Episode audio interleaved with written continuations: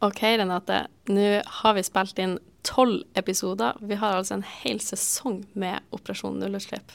Vi har laget podkast, Tiril. Ja. Og det er jo første gang vi klimapartnere Vestland prøver noe sånt.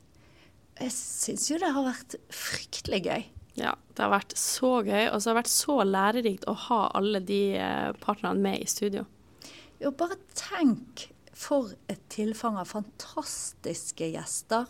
Det er akkurat så vi kan bare invitere partnerne våre én etter én, og så kommer de altså opp med så mye utrolig god inspirasjon Mm. og konkrete løsninger. Og når jeg ser gjennom episodene våre, Tiril, så er jo det Altså, alle er verd å høre på. Virkelig. Ja, og så er det jo noe som Altså innafor hvert eneste tema også.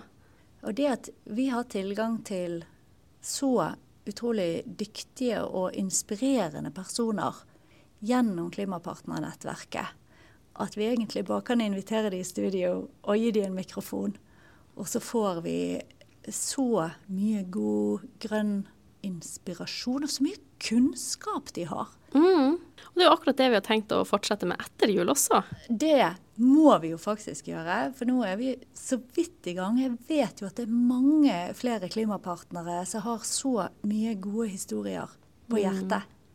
Så hva sier du, Tiril? Hva er planen videre? Nei, vi kjører en sesong to. Det gjør vi. Ja. Da må vi jo si eh, velkommen til å lytte til oss i 2023 også. Stay tuned, er ikke det det de pleier å si? ja. Tusen takk for oss.